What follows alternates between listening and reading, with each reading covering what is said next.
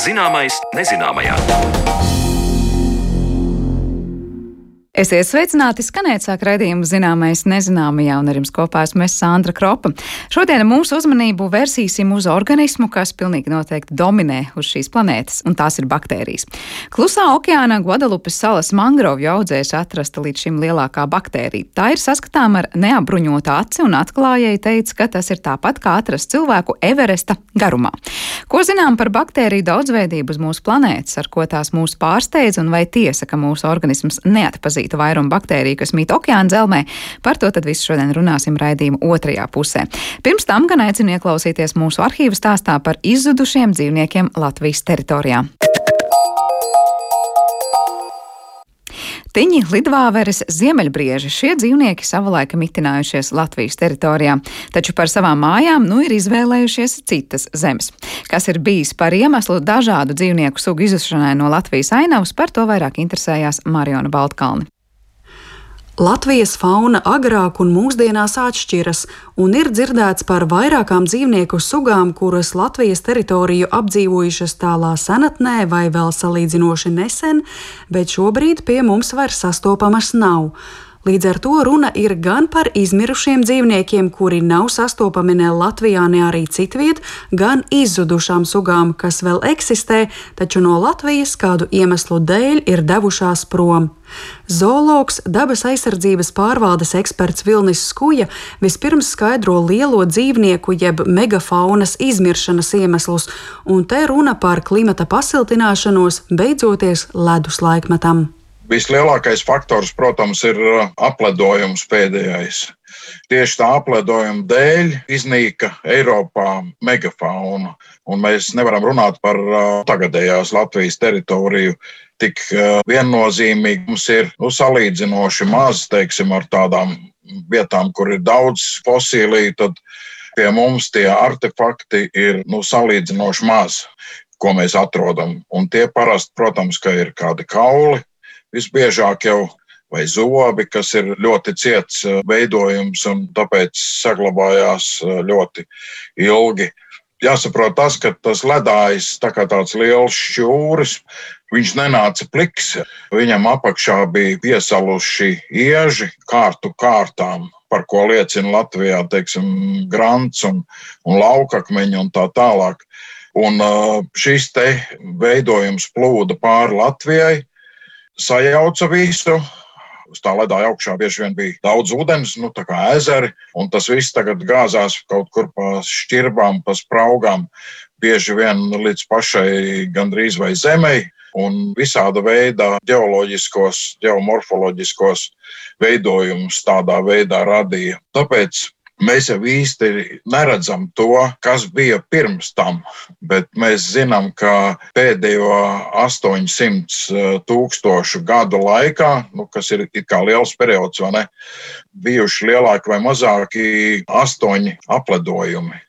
Pēdējais apledojums sākās aptuveni pirms 70, 75 tūkstošiem gadu. Un, uh, viņš sāka savu beigu etapu pirms apmēram 15, 16 tūkstošiem gadu. Tāds liels dzīvnieks kā mamuts pavisam noteikti ir bijis dzīvojis Baltijas teritorijā. Nu, arī visās apkārtējās teritorijās, un atsevišķas mamuta, ja tā var teikt, detaļas, zobu veidā, vai kaulu veidā, vai ilkņu veidā, ir saglabājušās šeit Ir arī tāda hipotēze, ka tajā megafaunā tur jau nebija tikai um, mamuts un matainais degunradzis, ja, kas bija stipri lielāks par tagadējo mītošo degunradzi. Skaidrs, ka tur nāca viss tas komplekss līdzi, jo tur, kur ir zālēdāji, tur ir arī plēsēji, nu, un plēsēji tajā laikā arī bija uh, lielie lautīģeri vai alu lauvas, kā viņus sauc. Alu lauvām nekāda sakara ar alām īstenībā nebija. Visticamāk, ka viņi dzīvoja tajā augstajā stepē, kāda bija tajā laikā Ziemeļa Eiropā. Bet, uh, Tā kā daži tie lauvas uh, skeleti pistīja kaut kur Eiropā alās, vai ne, tad nosauc to par allau. Tad sanāk, ka šī arī pēdējā apladojuma laikā, tad, kad tas viss ir vēlies pāri, ja, kā jūs minējāt, mēs esam zaudējuši diezgan daudzas dzīvnieku grupas. Tur ir gan zīdītāji, kas, protams, ir gan zālēdāji, gan plēsēji, bet tur varēja būt arī putni un citi zemāko grupu dzīvnieki, vai ne? Jā, tas, ko mēs runājam par tām lielajām dzirnavām, kurās visa šī te teritorija tika malta, kādi artefakti var vispār izdzīvot. Ne? Neapšaubām, ka tie bija kukaiņi vai ne? Dažādi. Bet no viņiem nekas nav palicis pāri. Mēs to ļoti grūti ir uh, pierādīt, uh, kas tieši bija nu, tām atliekām, kas paliek. Tā kā kauliem, piemēram, viņam ir jābūt pietiekoši nu, cietam materiālam, pietiekoši izturīgam, uh, kuru nevar tā vienkārši sabērst polerī bet nu vairāk par tiem faunas pārstāvjiem, kuri Latvijā kādreiz mituši, bet pakāpeniski mūsu teritoriju atstājuši. Viens no šādiem dzīvniekiem ir tinis. Par tīnu ir tā, ka viņu redz, viņu vēl šopavasar redzēja Latvijā. Cilvēki redz bieži vien to, ko viņi grib, vai to, ko viņi cer ieraudzīt. Sevišķi, ja lāga dzīvnieku nepazīst, tad, eh, kā saka, rādās. Es domāju, ka arī tas pēdējais gadījums, kad viņš bija redzēts 1974. Eh, gadā, tas bija pie Angūras ezera. Tas cilvēks, kas viņu redzēja, vienkārši kļūdījās. Eh, jo tad, kad Jenotsums vasarā ir nometis savu garo spalvu, ļoti daudzi viņu neatpazīst. Es domāju, ka lielākā daļa cilvēku mierīgi notur to Jenotsuni par tīni. Un jocīgi, ka ļoti daudz mednieki nepazīst. Viņi pazīst to, kāds izskatās Jenotsons tādā ziemā, bet viņi nepazīst, kāds viņš izskatās vasarā. Un vasarā viņš tiešām izskatās no, ar tādu īsu brūnu apmatojumu un nu, ļoti līdzinās tai tīņa galvai. Tīnis ir neapšaubām, ka no Latvijas viņš ir pazudis gan klimata dēļ, tāpēc, ka klimats mainījās, kļuva siltāks, gan arī tāpēc, ka Tīnim ir vajadzīga ļoti liela teritorija, teiksim, lai viņš varētu dzīvot. Var sakot, ja viņam tur traucē vienā vietā, otrā vietā cilvēks, respektīvi, tad viņš vienkārši iet tālāk, un tāpēc viņš ir aizgājis uz ziemeļiem. Viņi ir otrā pusē Somu jūras līcim, lai viņi būtu Latvijā, viņus vajadzētu redzēt arī, teiksim, Igaunijā. Bet Igauni arī nav daudzus desmitus gadu savā mežā redzējuši. Nu, viņam ir ļoti raksturīga pēda, ko nevar sajaukt ne ar ko. Mums tomēr ziemās sniegs ir kādu laiku. Noteikti, ka mēs būtu viņu piefiksējuši, ja viņš te būtu atnācis. Bet nu, ko viņš te darīs? Viņam labi ir arī ziemeļos. Viņš grauž lielos kaulus un plēš ādu no sasalušiem, kritušiem dzīvniekiem. Viņam ir visi instrumenti, lai viņš varētu tur tajos ziemeļos dzīvot. Tas līdzīgi kā ar ziemeļbriežiem. Ziemeļbrieži arī kādreiz bija mūsu teritorijā, bet no aptuveni 90, 8 tūkstoši gadu atpakaļ ziemeļbrieži aizgāja no mūsu teritorijas. Vilnis Skuja stāsta, ka pagājušā gadsimta 30. gados notikuši mēģinājumi no Somijas Latvijā ievest divus pārus ziemeļbriežu bažu purvā pie kolkas. Dzīvniekus mēģināts iemitināt, balstoties faktā, ka kādreiz tie Latvijā mituši. Pēc pāris gadiem šis eksperiments izgāzās, jo mūsu teritorija dzīvniekiem nebija piemērota. Ziemeļbrieži tika atstāti karstumā bez ūdens ar vienveidīgu barību purvainajā teritorijā. Līdz ar to jāsamierinās, ka nav iespējams atgriezt Latvijā visus arktikas dzīvniekus, jo pie mums vairs nav to apstākļu. Tāpat ir noteikts ēdamlietu komplekss, pie kā šie dzīvnieki ir pieraduši. Ja tas tiek atņemts, rodas sarežģījumi. Ziemeļbrieži jau tāpēc arī ir tāda suga, vai ne, kas migrē arī vēl tagad, kas migrē lielos attālumos katru gadu uz vasaras ganībām un uz ziemas ganībām. Un arī ejot uz ziemeļiem, viņi izvairās no kukaiņiem, jo tur eh, kļūst augstāks un tie asinsūcēji kukaiņi viņus tik ļoti nenomoka. Mm. Es vēl domājot par eh, to, ko jūs eh, teicāt Ziemeļbriežu kontekstā par viņu ieviešanu atpakaļ mūsu vidē. Es atceros, ka mums taču arī ir mēģinājumi ieviest atpakaļ šos savaļas zālēdājus, zirgus, govis, kuru radinieki ir arī sumbri. Sumbri jau droši vien arī ir viena no sugām, kas mums tā, neteiksim, ir izzudusi, bet nav vairs sastopama. Ja? Nu jā. Sumbras tagad Latvijā ir reaklimatizēts, ja kāds nezina, ap papi tur kaut kur staigā viens bars. Tur ir uzraksts sumbru ganības, un tur parasti nevienu sumbru neviens neredz. Viņiem ir kājas, kā saka, pakaļā, un viņi iet uz to vietu, kas viņiem ir piemērota. Viņi atrod to, ja ir iespējas. Ja nē, tad tie dzīvnieki sāk nīkuļot un nomirst. Kādreiz pie mums senos laikos ir ne tikai šis meža sumbrs, tagad esošais, bet arī tundras sumbrs ir mitinājies. Par tām ganībām, tad kā tur sanāk, Jā. kā ir rakstīts, ka sumbri ir, bet realitātē viņi ir paši kaut kur patvaļīgi aizgājuši citur projām. Viņi tur klejo apkārt, jā, īstenībā. Mm. Viņi neturās, nu, kur viņiem tā kā būtu tā viņu vieta. Bet ir jau arī tāds teiksim, dzīvnieks kā fazāns, kuru ik pa laikam jau kopš viduslaikiem mēģina Latvijā iedzīvināt, bet viņu arī nevar iedzīvināt, tāpēc ka nav mums, kas sniega nav nemaz sniegs, ja ir dziļāks par 10 centimetriem, tad tas fazāns vienkārši nevar izkasīt sev barību. Tāpēc viņš neiedzīvojās. Un, ja paliks siltāks, tad varbūt ka, ka viņš iedzīvosies. Jūs jau pieminējāties par eh, lidojošiem zvēriem, un es gribēju vēl pajautāt par diviem, eh, par Baltirbi. Un otrs, kas man ļoti interesē, ir lidvāveri, jo par lidvāveri jau nu gan mēs tomēr runājam pēdējo gadu saistībā, ka tā mums Latvijā vairs nav. Kā ir ar šiem dzīvniekiem, kas tur par vainu? Arī klimats kaut kādā kādā mērā? Kaut kādā mērā noteikti. Bet arī tas, ka eh, bez klimata vēl kā tāds otrs faktors, ka ir mainījusies meža struktūra, teiksim, lidvāveres gadījumā, Baltijai tur varbūt vairāk tas klimats ir eh, pie vainas. Jo 30. gados pēc dažādiem datiem tur ir pretrunīgi, bet uh, Latvijā Baltijas ir bijuši vairāki tūkstoši. Turpretī tagad varbūt ka ir, varbūt ka nav. Nu, uzskata, ka 2000. gadu pašā sākumā dažas Baltijas, kā saka, tika redzētas šur un tur Krievijas pierobežā, bet tā viņas uz austrumiem ir atkāpušās un pazudušas no Latvijas. Jo Kādreiz viņi bija nu, ne tik senā pagātnē, viņas bija visā teritorijā un arī kurzemes purvos. Nu, tagad viņi ir prom.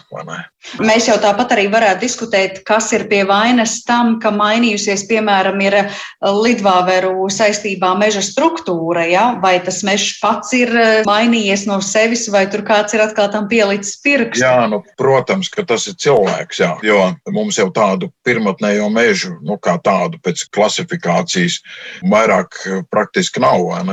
Mums jau visi meži tomēr ir stādīti un, vai vismaz uh, nocirsti, un tikai atsevišķas vietas ir tādas ļoti mazi punktiņi, kur varētu domāt, uh, ka tur neviens uh, nav tos kokus cirtis nekad.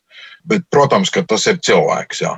Jo tai lidvāverei vajag uh, lielas apses, tas pēdējais areāls, eh, kur viņa apdzīvoja, tas ir tur eh, Latvijas austrumi. Viņa mm, atkāpjas eh, tā kā atpakaļ, vai ne? Viņa kurzemē nav jau sen sastopama. Un no šī te mēs arī tā padomājam, tad neapšaubām, ka tur ir arī tāds dabisks piesitiens klāt pie šīs izzušanas. Vilnim Skujam arī jautāju, vai prognozējot situāciju nākotnē, varam teikt, ka kāds no mums atkal varētu doties prom. Skaidrs ir tas, ka nākotnē sugas tiks zaudētas, un tāpat arī var teikt, ka būs kādi, kam Latvijas vietā būs vēlme izvēlēties citu māju vietu. Alnis, eh, varbūt tā suga, viņš jau ir no megafaunas, faktiski megafaunas pārstāvs, kas varētu aiziet tālāk, atkāpties uz ziemeļiem, ja, ja šeit kļūs tiešām jūtami. eh, siltāks.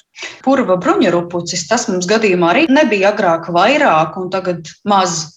Purva bruņurupuči tagad ir eh, vairāk tā kā gar to dienvidu malu sastopami. Un kādreiz purva bruņurupuči vispār Eiropā bija ļoti daudz. Latvijā droši vien, ka viņu bija vairāk Atlantiskajā periodā, kas bija arī kādus 7000 gadus atpakaļ, kad bija eh, pie mums siltāks nekā tagad. Un nu, bija platlapju izplatības tāds nu, uzplaukums, nu, lapu koku tā teiksim. Tāpat ir daudzas abinieku sugas, vai ne, kā krupī, sarkanvēda ugunskrupis un zaļais krupis un koku vārdi, kas justos noteikti labāk, ja kļūtu siltāks. Bet vai kļūs siltāks, tas vēl ir jautājums. Jā. Protams, ka kļūst siltāks, un tas lielā mērā notiek cilvēciskās darbības rezultātā, bet klimata pārmaiņas ietekmē arī zemes tektonisko plātņu kustība, jūras straumes un citi mehānismi. Turklāt zinātnieki veikuši aprēķinus, ka sugas uz Zemes pavada tikai noteiktu laiku, un sarunas noslēgumā Vilnis Skuja to attiecina arī uz mums, cilvēkiem. Mēs vēl nesen bijām piecas cilvēku sugas, un tagad mēs esam palikusi viena pati homo sapiens pēdējā. Mēs zinām, ka sugām ir sākums un, un gals. Lai kā mums gribētos, es domāju, ka mēs to nemainīsim.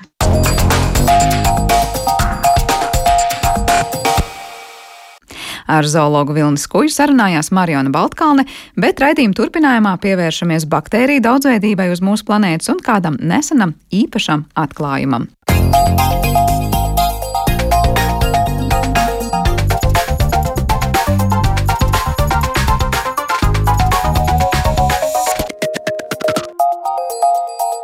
Zināmais nezināmajā. Jau raidījuma sākumā teicu, ka klusajā okeānā mangrovju audzēs ir atrasta līdz šim lielākā baktērija, un tās izmērs baktēriju pasaulē ir pielīdzināms tam, ja cilvēku vidū būtu kāds tikpat garš, cik augsts ir Everests. Kas tad īsti ir tā par baktēriju un kā tā iekļaujas visu baktēriju daudzveidīgajā saimē, mēs tūdaļ runāsim plašāk, un tāpēc es studijā šodien esmu šeit kopā ar Latvijas Universitātes vadošo pētnieku, mikrobiologu Jānu Liepiņu. Sveiks, Jāni! Sveiki! Vispirms par pašu atklājumu. Es saprotu, ka tāds no ar aci saskatāms organisms ir atrasts, un varbūt tu vari mums raksturot tos izmērus plus -hmm. mīnus, jo es saprotu, ka tur tiešām nu nav vairs jārunā šoreiz par baktēriju, kas jāskata mikroskopā, to tiešām var ieraudzīt. Kas tas tāds par milzi? Jā, uh, nu, tā, tad, tā situācija, kā tur tas viss sanāca, bija apmēram šāda. Tad ir pētnieku grupa, kam ļoti interesē mangroves. Viņi strādā Karību jūras basēnā, kur ir silts, jauki, lap, mangrovs aug, lapas krīt, lapas krīt ūdenī un sakrājās uz uh, ūdens nu, dzelzmē, teiksim, 5, 6, 7 metru dziļumā. Un tad mangrovs pūst, lapas pūst, un viss kaut kādas nogulsnes radās, un daļa no tām nogulsnēm ir tādas diegveida. Šī pati uh, pētnieku grupa jau sen zināja, ka tur tādas diegveida struktūras ir, bet tās domāja, ka tās ir kaut kādas, nu, kaut kāda artefakta sēnes vai kaut kas varbūt tie ir kādi vienšūņi, nu, mazums. Nu, pēc tārpiem neizskatījās. Pēc tārpiem jā. neizskatījās, bet uh, par baktēriju arī gluži negribēju nosaukt. Tā tas gāja, tā tas bija apmēram desmit gadus atpakaļ. Uh, līdz um, samērā nesen, apmēram piecus gadus atpakaļ, viens no pētniekiem izdomāja, paga, paga, bet ja nu, ja nu tas, kas tur aug, patiesībā nav ne neviens šūns, nekas cits, bet ja, nu, tas ir kaut kas ļoti, ļoti īpašs. Tad viņi pievērs uzmanību šiem diegveida struktūrām. Un izrādās, ka šīs diegveida struktūras patiešām ir kaut kas ļoti, ļoti īpašs. Izrādās, tās ir baktērijas. Pēc tam katrs diedziņš ir viena baktērija.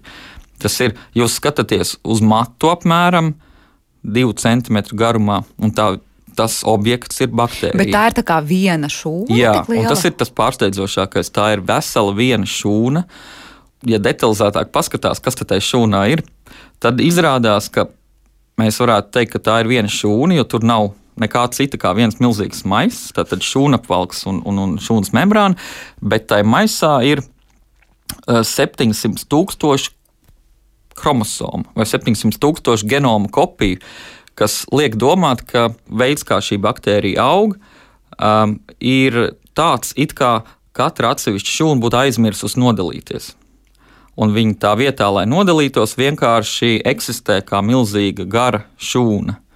Un, šī šūna arī spēja dalīties, bet tā dalīšanās ir ļoti, ļoti īpatnēja, kas nav raksturīga baktērijām. Reizi, nu, nezinu, reizi dažos mēnešos, kad šis lielais maisis vairs nevar kļūt garāks, vienā galā veidojās tāds, tāds bumbulīts, kas vienkārši nokrīt nost. Bet sanāk, tā baktērija kļūst mazāka laika gaitā, vai ne? Tas ir kaut kas bumbulīts, kas izaug un turpat nokrīt, jā, daļa no baktērijas nokrīt. katru mēnesi, vai cik tur jā, nokrīt? Jā, jā. Parasti baktērijas vairojās tā, ka uh, tās izaug garumā un uh, sadalās uz divi, un tad veidojās divas vienāda garuma baktērijas. Šajā gadījumā uh, tā augšana un, un vairošanās ir augšana garumā, un tad viens mazs bumbulīts vienmēr krīt nost, un viņš var aizpeldēt uz citu lapu, piemēram, iesakt nu, pēdiņās. Pielikt. Tā kā ja, jaunu dzīvi. Jā, jau sāk jaunu dzīvi. Organismus. Bet uh, jā, šim organismam vēl interesanti. Zinātniekiem patiesībā bija aizdoms, ka kaut kas tur ir, bet viņi nezināja, kāds tas izskatās. Tas ir stāsts par uh, environmental DNA, jeb vidas DNS. Uh, kas tas ir? Tas ir uh, pētnieki no tās vietas, apmēram no šiem mangrovu audzēm, jau sen bija pārbaudījuši vidas paraugus, kas satur DNS, un viņi bija sekvencējuši un noskaidrojuši, kādi apmēram organismi tur varētu dzīvot. Viņi nebija šos organismus redzējuši, bet pēc DNS noteiktām sekvencēm var pateikt. Tas nozīmē, ka, piemēram, viņi pēc tam DNS sekvencēm noteica, mēs neesam redzējuši, bet tur, piemēram, ir tie paši pieminētie tārpi, kukaiņi, jā, jā, nezinu, baktērijas jā, jā, un vēl kaut jā.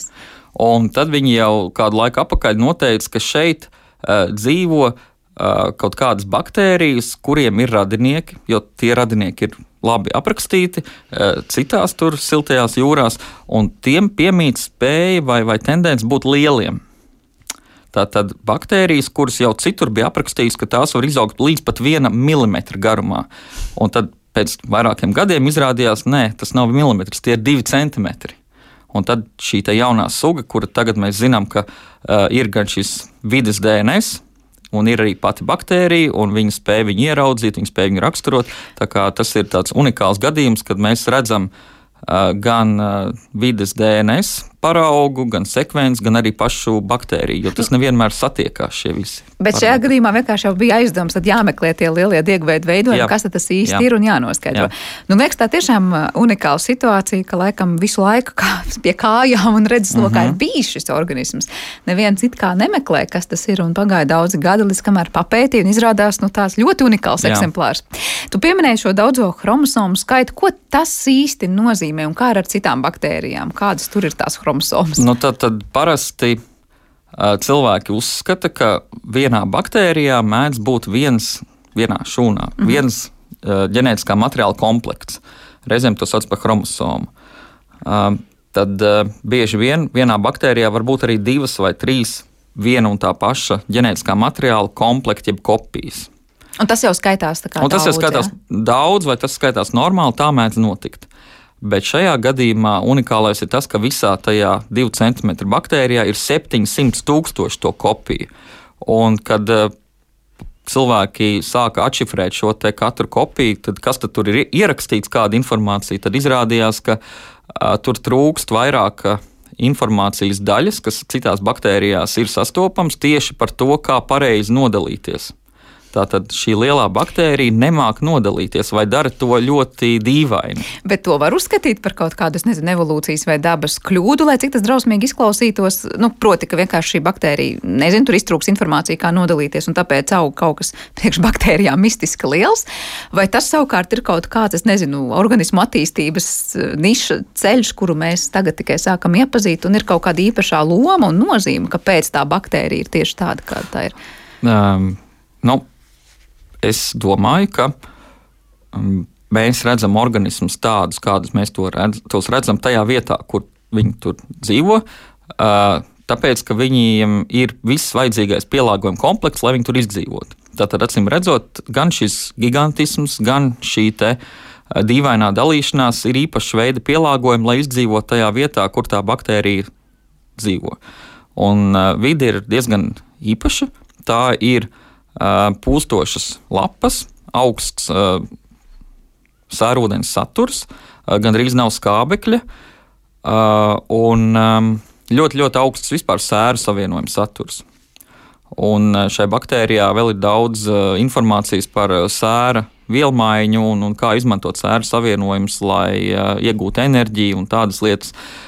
Es nezinu, kas tieši kāpēc tev jābūt garam, lai izdzīvotu šajā īpašajā vietā. Bet es domāju, tas noteikti ir pielāgojams un tam, tas, tam nāk līdzi zinām izdzīvošanas priekšrocības nekā tad, ja tu būtu maziņš un dzīvotu. Es tieši gribēju tev vaicāt, vai tas, ka šī baktērija ir tik gara, liela, tas nāk par labu vai par sliktu. Nu, protams, ja tā ir tik izdzīvojusi tādā vidē, gan jau ka par labu, bet tāpat laikā parasti saka, jo lielāks organisms, jo vairāk viņam ir vajadzīgas enerģijas, nezinu, sevi tur barot, uzturēt un kā citādāk. Mm. Kā tas iet kopā, ka tai baktērijai varbūt ir daudz lielākas prasības, ko no dzīves dzīves vajag, lai sevi uzturētu? Mm, lūk, šis ir interesants jautājums. Tur uh, būtu vērts parēķināt, jo saprotiet, ja jūs esat neliels, tad, tad jūsu uh, tilpuma un virsmas attiecība ir liela. Jūs, jums ir lielāka virsma uz vienu tilpumu vienību. Tad, ja jūs esat liels savukārt, tad ir mazliet savādāk. Uh, virsmas attiecība pret tilpumu vienību ir maza. Tad, tad jums patiesībā būtu nepieciešams mazāk enerģijas, lai uh, uzturētu, piemēram, jūsu virsmas proteīnus un, un virsmas uh, lādiņu tādā pat uh, līmenī, kā tad, ja jūs būtu neliels. Tad, tad iespējams, ka šajā vietā, kas īstenībā ir nabadzīga, uh, ar uh, nabadzīgu vide, uh, kurā ir maz uh, enerģijas, bagātu savienojumu, tad varētu, šis varētu būt pielāgojums, lai uh, dzīvotu tādu nu, pieticīgu dzīvi izrādās, varētu būt, ka gigantisms šajā kontekstā ir pieticīguma tāds. Kā saka, gigantisms ir vairāk vietas virsmas, ar Jā. kuru komunicēt ar šo pasauli. Nē, nē, nē, nē, nē. tas ir ietaupījums, lai uzturētu uh, enerģiju. Tad, tad jums ir 700 tūkstoši to vienību, kas visas, mm -hmm. teiksim, ražo proteīnus un tā, bet uh, ja viņi katru būtu pa sevi, tad izmantotās enerģijas daudzums būtu lielāks nekā tad, ja viņi visi ir vienā maisā. Bet eh, kā notiek tagad? Es nezinu, mēs varam teikt, ka vēl pēc daudziem gadiem tā pati baktērija ja turpinās dzīvot uz šīs zemes. Tur vairs nebūs tie septiņi, cik bija tūkstoši, 700 tūkstoši, 700 tūkstoši chromosomu, bet būs vēl vairāk vai kā, vai, vai paliks tāpat kā ir? Labs jautājums. Protams, varētu būt arī, ka būs vēl. Tas ir viens variants. Otrs variants, ja tas organisms uzturēs tādu pašu struktūru, tad būs viens liels maiss kurā viss tur tā sabērts, tā vienkārši runājot, tad agri vai vēl tas lielais maisis vairs nevarēs uzturēt visu to struktūru. Ja viņš būs, nu, teiksim, 10 cm garš, piemēram, ja? tā tad noteikti ir tīri fizikāli kriteriji, ka pēc, teiksim, 3 cm vienkārši tas maisis neturēsies kopā. Nu, Protams, ir kaut kāda robeža, līdz jā, kurai jā, jā, tā baktērija visticamāk varēs jā, augt. Jā. jā, nu laiks rādīs, skatīsimies, bet kāda ir, es nezinu, nostāja vai sajūta zinātnes pasaulē. Nu, tagad tas atklājums ir tāds, oho, ieraudzījām, vai ir kaut kādi īpašie jautājumi, kas tagad urda zinātniekus, ko noteikti gribas noskaidrot vai ko saprast, ko šī baktērija ļautu saprast vairāk. Mm. Nu, tā kā tika noskaidrots, ka šī baktērija, viņai ir radinieki. Tātad nelielāki, tie milimetru garākas baktērijas, bet vienalga radinieki ir. Tātad pilnīgs unikums tas nav. Uh, bet, nu, protams, uh, viens no jautājumiem ir gigantisms baktēriju pasaulē. Kas tas ir par fenomenu un kur tam ir limiti, protams, un pie kādiem apstākļiem tas kļūst izdevīgi. Tas, ko mēs jau ieskicējām, kā cim redzot, tam varētu būt saistības ar enerģijas patēriņu. Un, Uh, nu jā, nu, vēl viens, bet tas tāds fundamentālāks jautājums.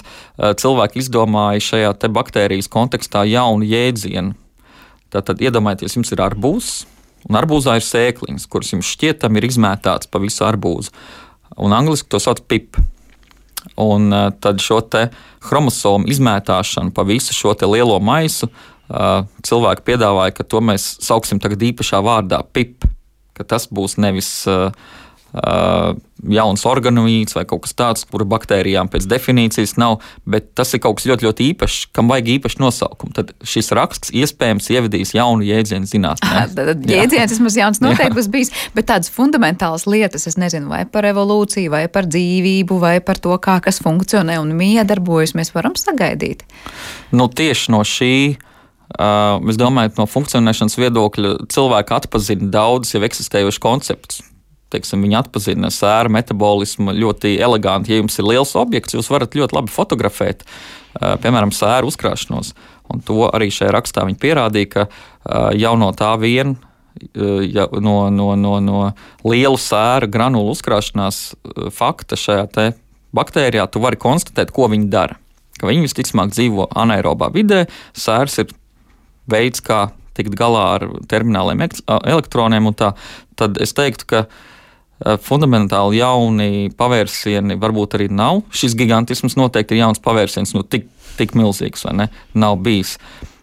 Bet varbūt ir tas pavērsiens tajā enerģētikas jomā, tad vai kā tad mēs skaidrosim, vai kur meklēt varbūt vēl kādus lielus objektus. Jā. Bet kā ir ar šīm baktērijām? Labi, radinieki ir atrasti citur, bet tieši šādas ir līdz šim redzētas vēl kaut kur, vai mēs runājam, ka tās apdzīvo eh, ekskluzīvi tikai šīs mangroves klusajā okeānā? Es domāju, cilvēki aizdomāsies un sāks pievērst uzmanību vēl dažiem artefaktiem. Gan jau, ka cilvēki ir redzējuši vēl kaut ko, vienkārši tam ir pagājuši garām līdzīgi kā šie pētnieki sākotnēji, kam likās, ka šis apaugums tas nav nekas īpašs uzmanības vērts. Tagad Izrādās, jā, ka ir gan. Jā. jā, skatīsimies, vai mēs dzirdēsim ko līdzīgu arī par šādām baktērijām citvietā pasaulē, bet atklājums tiešām interesants. Uh, tas liek uzdot jautājumu, cik ļoti vispār baktēriju pasauli vēl pētnieks var pārsteigt. Kā tev liekas, cik ļoti mēs esam iepazinuši un izzinājuši tās baktēriju daudzveidības dažādās šķautnes?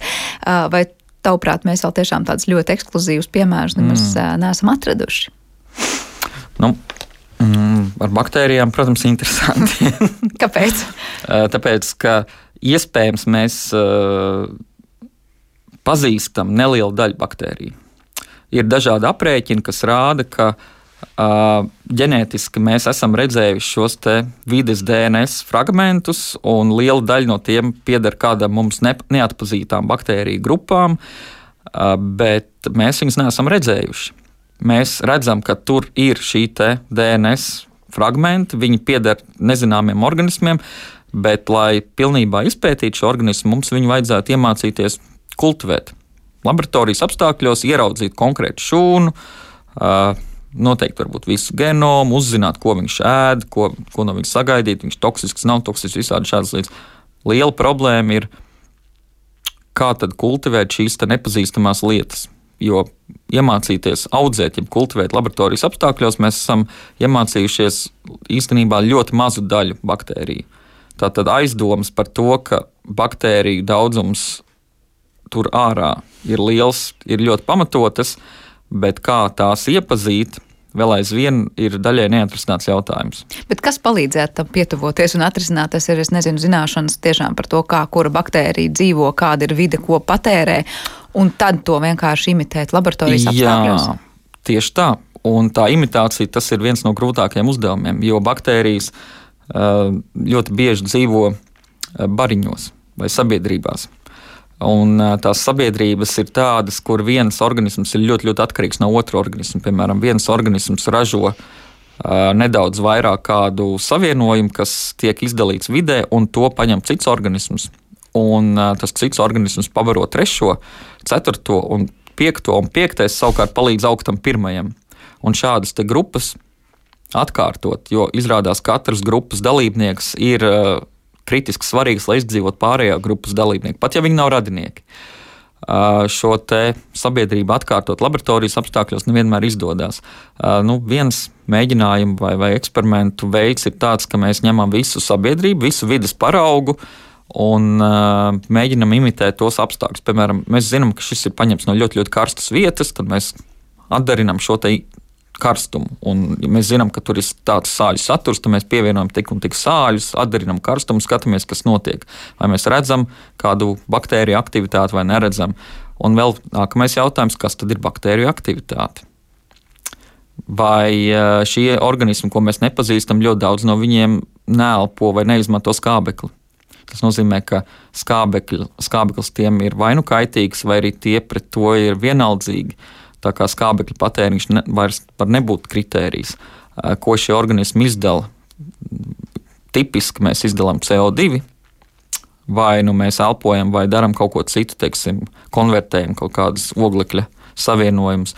Bet var gadīties, ka šie organismi uh, galvenokārt izdala kādu citu savienu, piemēram, metānu. Tad, tad jums, ja jūs pētat šos vidas paraugus, mazliet jau ir jāzina, ko tieši jūs meklējat, uz ko jūs koncentrēsieties. Bet tā tāda laikam laimes spēle bieži vien varētu būt. Nu, tās aizdomas jau rodās. Ja pazīst to vidi, ko jūs pētat, jūs, teiksim, ziniet, ka, piemēram, gada vai mēneša griezumā, teiksim, šajā vidē raksturīgs, ka, piemēram, noteiktos laikos izdalās CO2, vai izdalās metāns, vai izdalās sērūdeņrads, un nav citu avotu kā vienīgi dūņas. Un tad, tad dūņās visticamāk kāds dzīvo, ko jūs varētu attīrīt un, un uz to skatīties. Ja?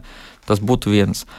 Nu, tad ir cits variants, ka jūs zināt, ka kaut kādā vietā ir DNS Un nav citu variantu, kā tas DNS piederētu kādai baktērijai, jo nu, ir kaut kādas aizdomas salīdzinājumā ar citām grupām, bet jūs nezināt, ko meklēt. Nu, tad tā ir diezgan liela laimes spēle, kādā veidā kultivēt nekultivējamo. Jā, es tagad iedomājos, tu teici, tur ir aizdomas, ka ir baktērija, ir atrasts kaut kāds DNS, bet pastāv iespēja, ka, nezinu, ir nezināms, tad DNS ir, bet vai tas ir tuvāk kādai baktērijai vai vīrusam vai, es nezinu, vēl citiem organismiem. Pastāv iespēja, ka, nezinu, zinātnieki domās, tūlīt te ir baktērija, bet beig beigās tur patiesībā nevis baktērija, bet pilnīgi cits organisms. Mm. Vai tas īsti nav iespējams? Mm, ir dažādas metodas, kā to vidas DNS analizē. Un, uh, lai noteiktu, kam tas pieder, tad analizē nevis visu iespējamo DNS fragmentu, kaut gan ir arī tādas metodas, bet koncentrējās uz dažām visiespējamākām daļām. Jau zinu, ko meklē. Jā, teikt, apmēram teiksim, ir 16 SRNS, tātad tas ir neliels fragments no ribosomas un ir konstanti rajoni un varējuši rajoni, un tad tie, pateicoties varējoši rajonu uh, sekvencē, tu vari uzzināt, kurai grupai tas pieder. Proti, pēc tā fragmenta jau jūs mm -hmm. sapratīsiet, ka ar citiem radiniekiem, jā, tuvākiem, jā, tālākiem jā, varbūt sajauksiet, jā. bet ne pavisam citām jā. grupām. Uh, tu minēji par tām sabiedrībām, man ienāca prātā doma, vai tas ir skaidrojums arī ar to, ka, nu, tāpēc, ka baktērija ir no vienas puses tik vienkārša organisms, viņai vajag tā, lai tās dažādas funkcijas, ko veikt, varbūt nu, mēs kā lielāks un sarežģītāks mm -hmm. organisms paši par sevi. Viņiem tad vajag nu, tos 5, 10 vai vēl citus ne tos tuvākos radiniekus blakus, lai, nezinu, palīdzētu vienam baroties, otram vēl kaut kādā. Ja? Tad, jo vienkāršāks organisms, jo lielāka grupa viņam vajadzīga apkārt, lai izdzīvotu. Uh, jā, iespējams, ka tā ir stratēģija. Jā. Uh, jo viens pats. Uh, organisms, eh, tas ir diezgan padārgs process, uzturēt, eh, dzīvot. Jā, dzīvot, jā ir diezgan padārgs. Un eh, tā vide tur ārā nemaz tik bieži nepiedāvā visus iespējamos optimālos apstākļus viena organismu izdzīvošanai. Drīzāk tur ārā ir bats nekā milzīgs svētku galds.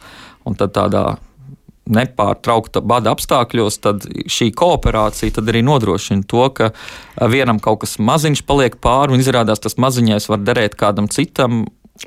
aizpildīt kādu caurumu metabolismā un tā. Kārtīga aprits ekonomika darbībā. Jā, jā, jā Varam tikai tā. mācīties no baktērijām šajā kontekstā. Es vēl gribēju tev pavaicāt par to baktēriju daudzveidību, un mēs esam pieraduši dzirdēt, ka baktērijas mums ir visapkārt, mūsos pašos mēs tik bieži dzirdam, ka ir ļoti, ļoti daudz šo mikroorganismu, un tad arī dzirdam, ka okeāna dzīvēs vispār ir tādas eksotikas, kuras izskatās vairāk kā citplanētieši nekā šīs zemes iemītnieki. Vai tā ir tiesa, ka, piemēram, es nezinu, nezinu, mūsu zarnu traktā dzīvojošās baktērijas, ja saskārtos ar kaut kādām citām baktērijām, es nezinu, kas nāk no kaut vai okeāna dzelmes, liktos kaut kas galīgi neatpazīstams, kaut kas, ar ko noteikti jātiek galā, tas ir svešinieks, tas ir citplanētietis gandrīz. Nu, proti, ka baktēriju, baktēriju nemaz tā īsti varētu neatpazīt mūsu pasaulē. Mm -hmm. Es pilnīgi noteikti domāju, ka ir baktērijas, ar kurām zīdītāji nekad nav saskārušies. Un tas nozīmē zīdītāji un varbūt arī mūsu kaut kādi radinieki, teiksim, miljonus gadus atpakaļ. Tāpēc mēs neesam iemācījušies, vai mūsu imūnsistēma varētu arī nebūt iemācījušies atpazīt visu iespējamo daudzveidību, kāda ir tur ārā. Tas ir pirmam kārtam. Otram kārtam, kādas tad varētu būt šīs sekas, ja mēs satiekam kaut ko neatpazīstamu? Nu, var gadīties, ka tas neatpazīstamais arī paiet garām neatpazīts. Vai jā. arī būs nobeigts? Uh, bet varbūt, ka pirmajā solī mēs neatpazītu šī organisma uh, virspusi, nu, teiksim, tā ir šūna ar kādām noteiktām virsmas īpašībām, kuras nāk no šūna, nāk no kāda ļoti, ļoti eksotiskas vietas, kas ar, ar to nav bijis sakara nevienam mūsu radiniekam. Uh, Bet varbūt tas, kas tur iekšā šūnā, gan ir līdzīgs jau kaut kam, un to gan varētu atpazīt. Tā kā varbūt tās, ja kāda no šīm baktērijām jau nu, nomirtu vai tika sašķelta jauši vai nejauši un parādītos vēl citi proteīni, tad tos gan varētu atpazīt un sākt jau veidoties imūnā atbilde. Tā kā es domāju, tā situācija nav pilnīgi bezcerīga. tā, viņi varbūt ir pilnīgi bezcerīgi izskatās pirmajā solī, ka tie virsmas proteīni ir tādi saudabīgi un neparasti.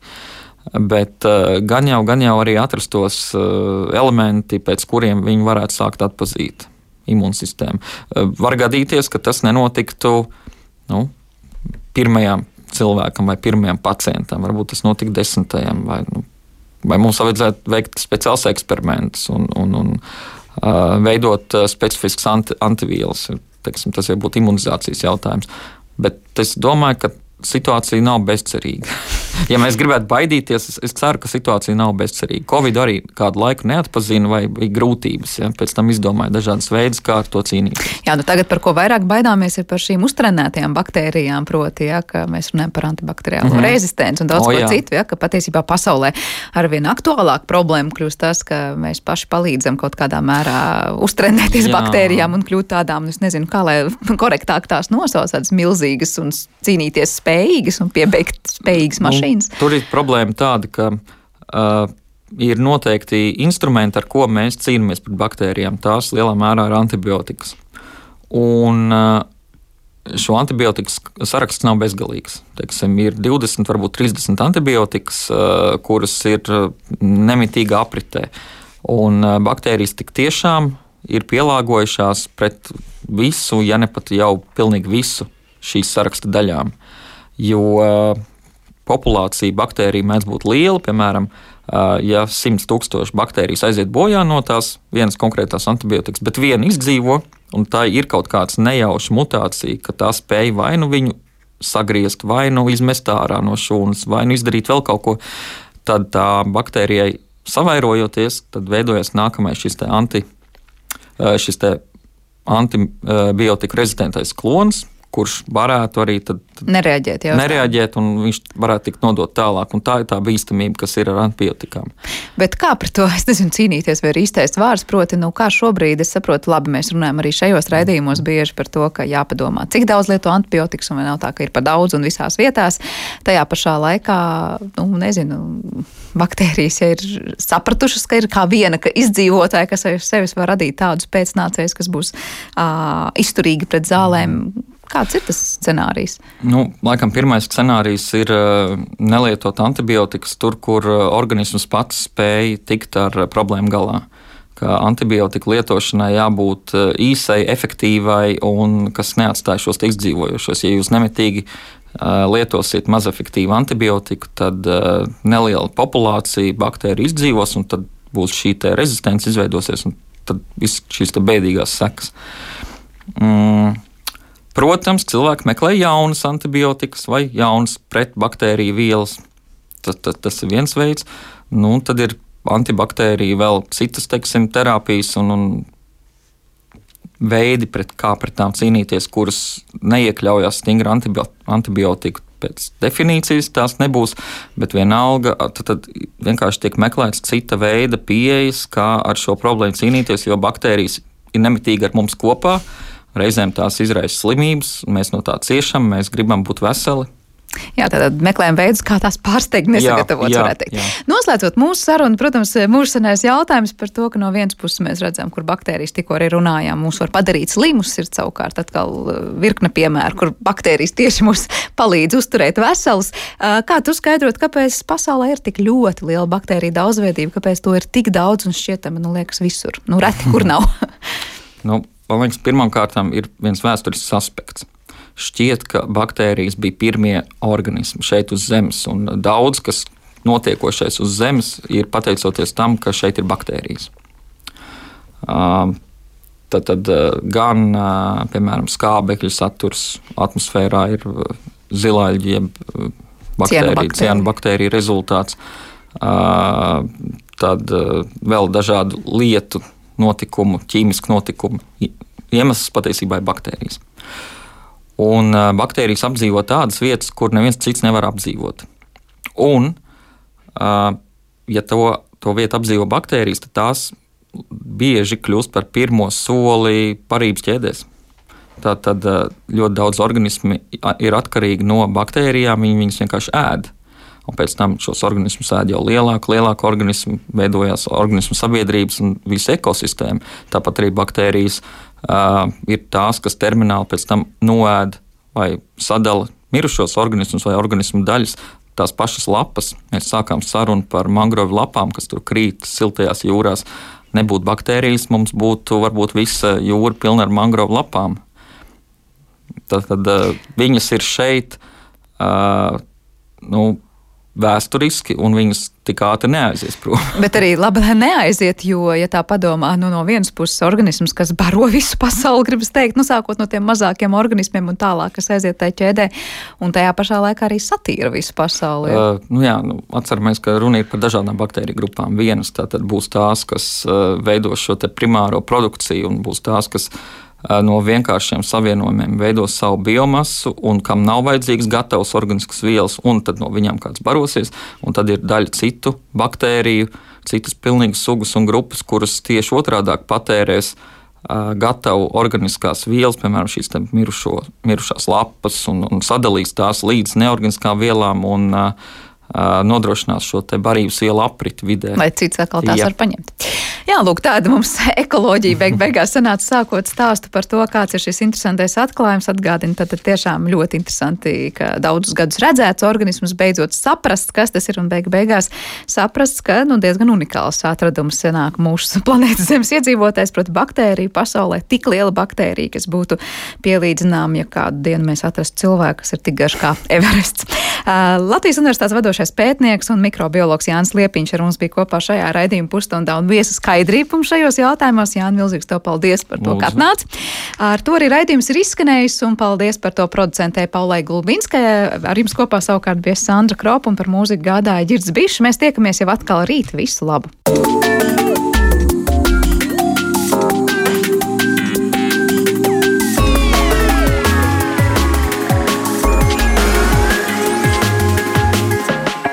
Zināmais nezināmajā.